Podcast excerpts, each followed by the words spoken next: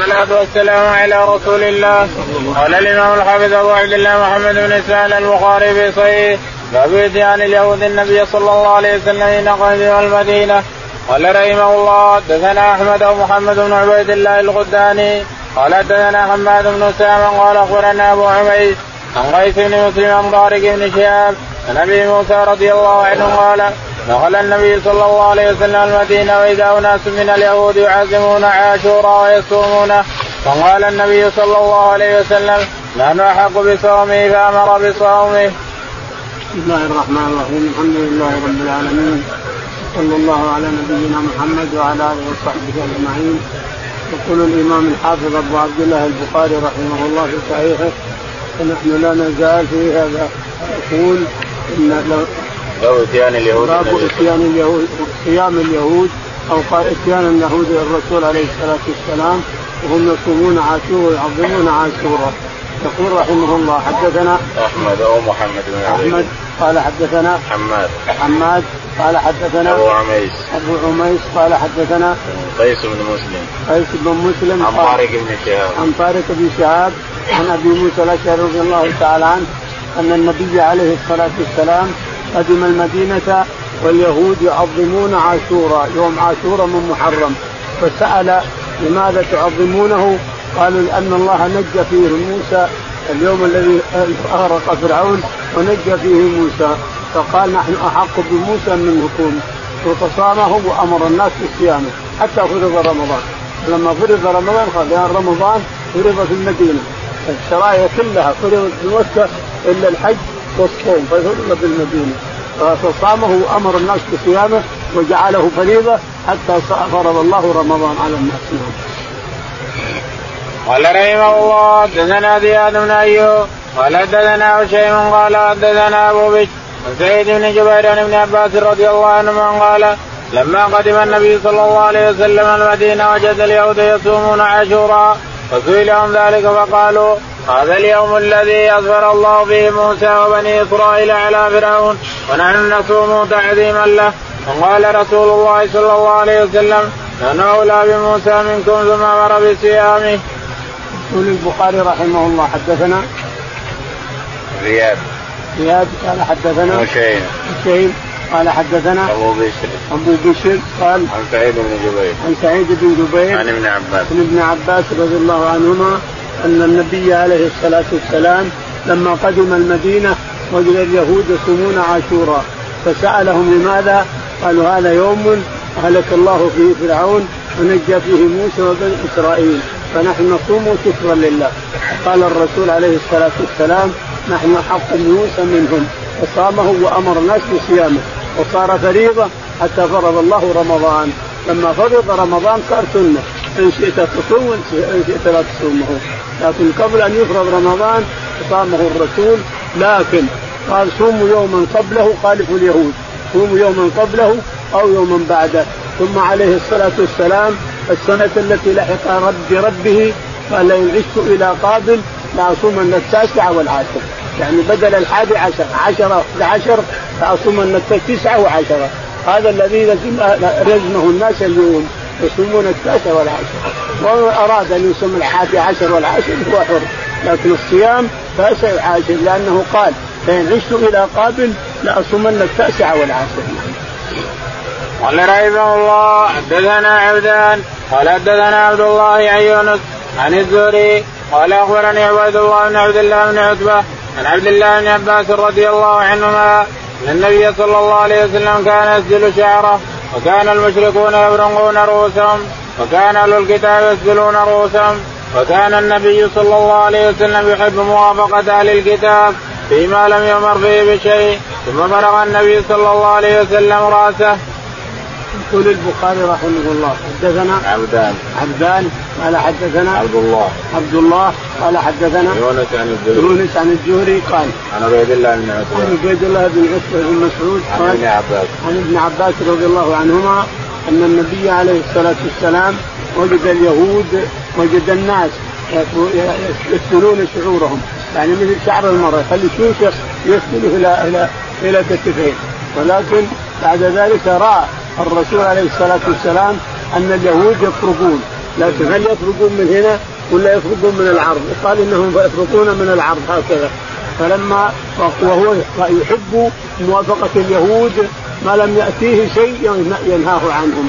بعد ذلك صار يفرق عليه الصلاة والسلام مع الوقت. من هنا. من هنا من الجبهة إلى إلى القفا. أما هذا فتركه عليه الصلاة والسلام. وهو, وهو الذي كان حجة الوداع والعمر وعمره هو يرى يرى فيه وبئس المسلم قال رحمه الله حدثنا زياد بن أيوب قال حدثنا هشيم قال أخبرنا أبو بشر عن سعيد بن جبير عن ابن عباس رضي الله عنهما قال هم أهل الكتاب جزوا اجزاء فآمنوا ببعضه وكفروا ببعضه. يعني قول الله تعالى الذين جعلوا القرآن عظيم يقول البخاري رحمه الله حدثنا زياد. زياد قال حدثنا حسين حسين قال حدثنا أبو بشر. أبو بشر جعفر بن أبي وحشية قال عن سعيد بن جبير عن ابن سعيد بن جبير عن ابن عباس رضي الله عنهما قال نعم. هم أهل الكتاب جزوا هم أهل الكتاب جزوا كتاب القرآن جزوا كتابهم التوراه أجزاء. قوله تعالى جعلوا القرآن عظيم. الذين جعلوا القرآن. الذين جعلوا القرآن عظيم. يعني قرانهم التوراة تسمى قران وجعلوا القرآن عظيم يعني وزعوه العظيم هو التوزيع توزيع التوزيع توزيع شيء يؤمنون به وشيء يكفرون به وشيء لا يأبون به إلى آخره. باب إسلام سلمان الفارسي رضي الله عنه. قال رحمه الله حدثنا الحسن بن عمر بن شقيق. قال حدثنا معتمر قال أبي. وحدثنا أبو عثمان سلمان الفارسي أنه تداوله بضع عشر من رد إلى رد. يقول البخاري رحمه الله باب إسلام سلمان الفارسي رضي الله عنه. حدثنا الحسن. الحسن قال حدثنا معتمر بن سليمان. معتمر بن سليمان عن ابي سليمان طرخان قال حدثنا أبو عثمان. أبو عثمان النهدي قال عن سلمان. عن سلمان الفارسي رضي الله عنه قال إنني ابتعت بكم بكم رب كم رب لا صار لي؟ يقول-. يقول وأنا أبحث. عن عن الهدى وعن الطريقة الصحيحة. فكل ما جئت رب سألته أين أجد الطريقة؟ قال لا يمكن اتجدها إلا عند فلان. يقول ثم أذهب. يشتروني يشتروني فلان. ثم أجلس عنده مده واساله عن الطريق السليم.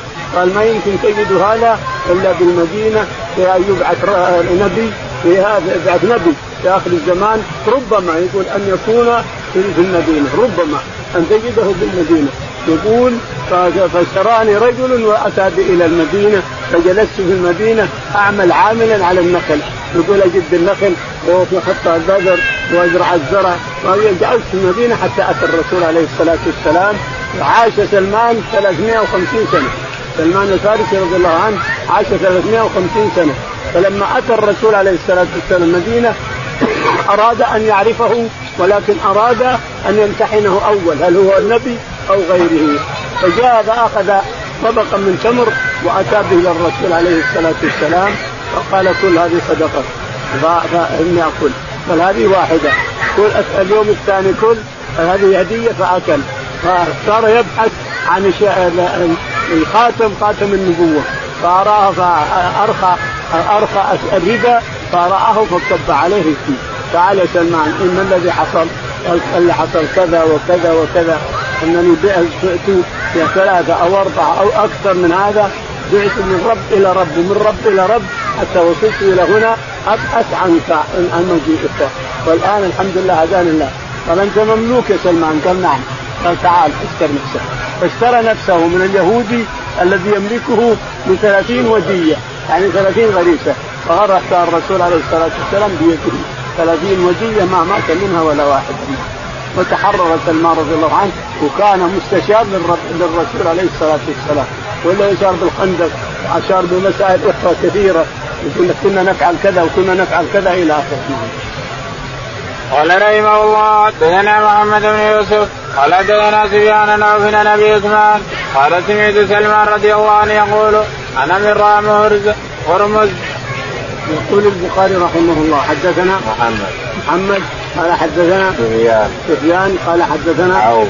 عوف قال حدثنا أبو عثمان. أبو عثمان قال عن سلمان. عن سلمان نفسه رضي الله عنه يقول إنه كان من رام هرمز.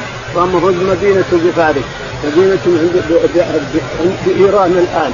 هرمز مدينة بإيران إلى الآن بفارس. نعم. قال رحمه الله حدثنا الحسن بن مدرك قال حدثنا يحيى بن حماد قال أخبرنا أبو عوان عن عاصم الأحول عن أبي عثمان سلمان رضي الله عنه قال فترة بين عيسى ومحمد صلى الله عليه وسلم 600 سنة. يقول البخاري رحمه الله حدثنا الحسن الحسن قال حدثنا يحيى يحيى قال حدثنا أبو عوانة. أبو عوانة عن عاصم الأحول. عن عاصم الأحول عن أبي عثمان. عن أبي عثمان النهدي عن سلمان الفارسي رضي الله عنه قال فترة ما بين عيسى ومحمد عليه الصلاة والسلام 600 سنة. اللي بين عيسى ومحمد الفترة اللي بينهما 600 سنة. وهل تعد فترة؟ تقول لا. لأن عيسى جديد دينه التوراة بين يدي الناس. التوراة ما درست بين يدي الناس. ولهذا لا يسمى فترة ولا يعذرون الذين يكفرون ب 600 سنة هذه. نعم.